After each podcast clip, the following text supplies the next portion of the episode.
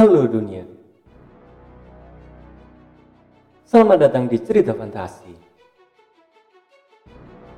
Sebuah channel podcast yang akan mengantarkanmu ke dalam cerita-cerita fiksi yang penuh fantasi, keseruan, dan keajaiban.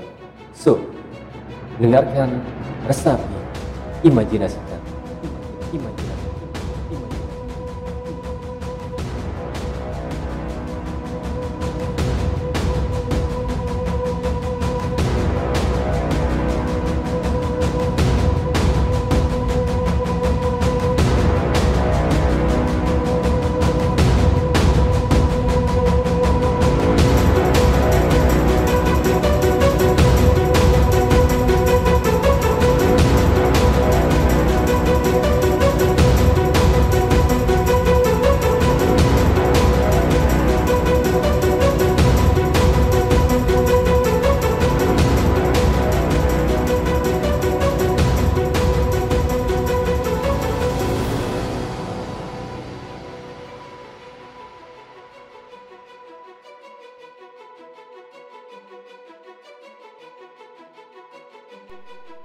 Pada episode kali ini ada sebuah cerita yang berjudul Misteri Kastil Tua karangan Itin Lesi.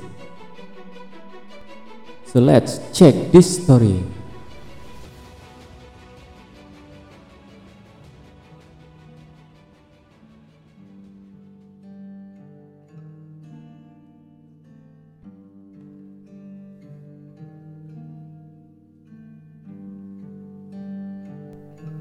Raut wajah Cindy terlipat. Sudah satu jam lebih, ia berada di balik kemudi dengan tujuan arah pulang.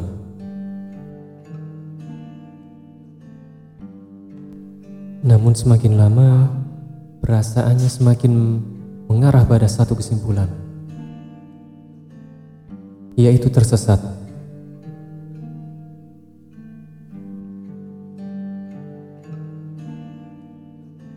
Di jok belakang, Peggy, si penunjuk arah, menyandarkan kepala di jendela mobil yang tertutup kaca sambil mengoceh tidak jelas akibat menghabiskan puluhan gelas minuman beralkohol di pesta peresmian rumah Mary Clarkmore.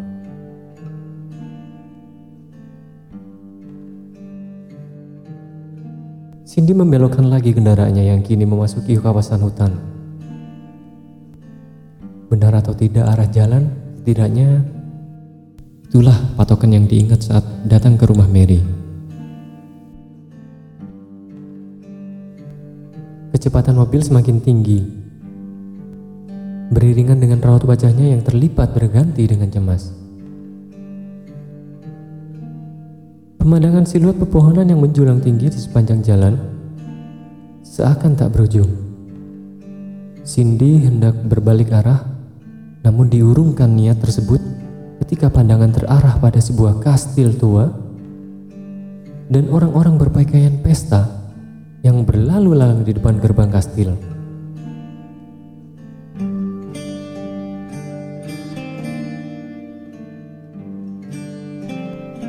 Tangan Cindy sedikit gemetar ketika membuka pintu mobil.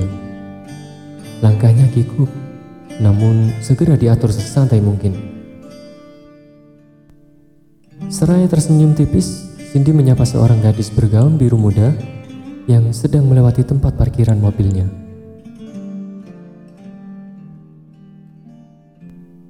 Permisi Nona, apakah kau dapat menunjukkanku arah menuju ke kota?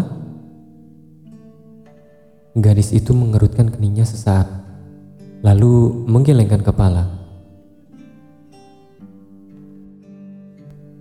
Tapi jika kau benar-benar membutuhkan petunjuk arah ke kota, mari ikutlah denganku. Teman-temanku pasti dapat memberimu jawaban. Ucap gadis tersebut sebelum Cindy mengembuskan nada kecewa.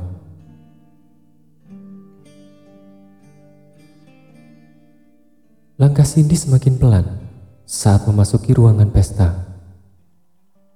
Alunan musik lembut disertai pemandangan beberapa pasangan yang sedang berdansa membuat perasaan asing bercampur kagum dalam hatinya.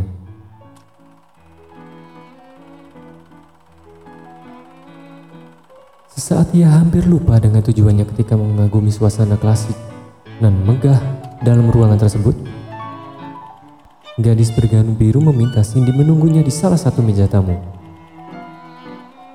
Cindy hendak menolak, namun akhirnya ia mengangguk sebab nampaknya akan semakin kikuk jika berjalan ke arah lantai dansa. Gadis itu pun segera menghilang di antara kerumunan pasangan dansa. Selamat malam, Nona. Apakah kau datang sendiri? Tanya seorang pemuda bertaksido hitam. Cindy segera menggelengkan kepala. Namun beberapa detik kemudian ia mengangguk. Apakah kau mau berdansa denganku? Tidak, terima kasih. Menjawab Cindy. Pemuda tersebut menghembuskan nafas kesal. Lalu segera menarik tangan Cindy, menuntun ke arah lantai dansa. Maaf Nona, Aku tidak menerima penolakan. Ucap pemuda tersebut disertai seringai jahil.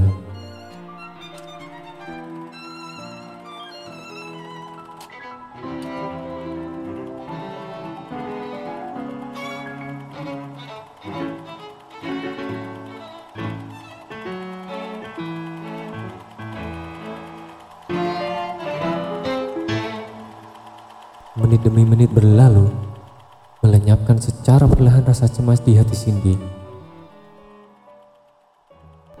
Beberapa kali injakan kaki dengan sengaja membuat ia sangat menikmati penderitaan sang pemuda yang mengajaknya berdansa. Romantis, begitulah pandangan pasangan dansa di sekitar mereka. Pemuda tampan yang mempunyai sejuta kesabaran saat menuntun sang gadis bernama Cindy benar-benar menikmati kebersamaan tersebut. Setelah lelah menahan sakit, pemuda tersebut segera menarik kembali tangan Cindy, menuntunnya ke meja tamu.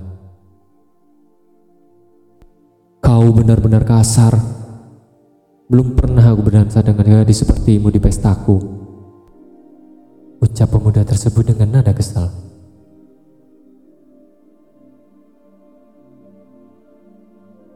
Pestamu sungguh menyenangkan, tapi tujuanku datang ke sini untuk menanyakan arah jalan menuju kota. Aku tersesat ketika pulang dari pesta yang diselenggarakan oleh sahabatku. Kau Cindy menanti kalimat selanjutnya dari pemuda tersebut. Namun tidak ada. Sesaat secuil rasa cemas, takut, kesal, dan juga prihatin nampak dari sorot mata dan raut wajah sang pemuda.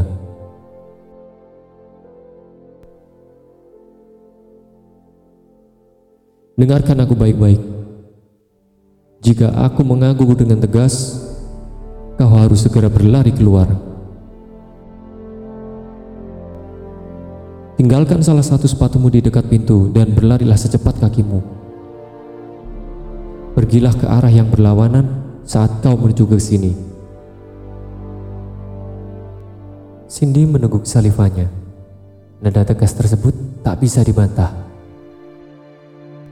Setelah menangkap aba-aba tersebut, ia segera berlari secepat mungkin.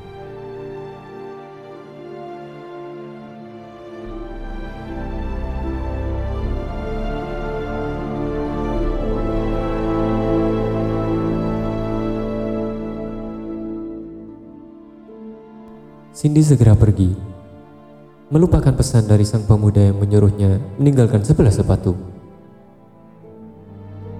Sementara di dekat bingkai pintu, pemuda tersebut terkekeh geli. Semoga bertemu kembali ketika dunia kita sama. Sayang, kau tak merelakan salah satu sepatumu untuk kenang-kenangan.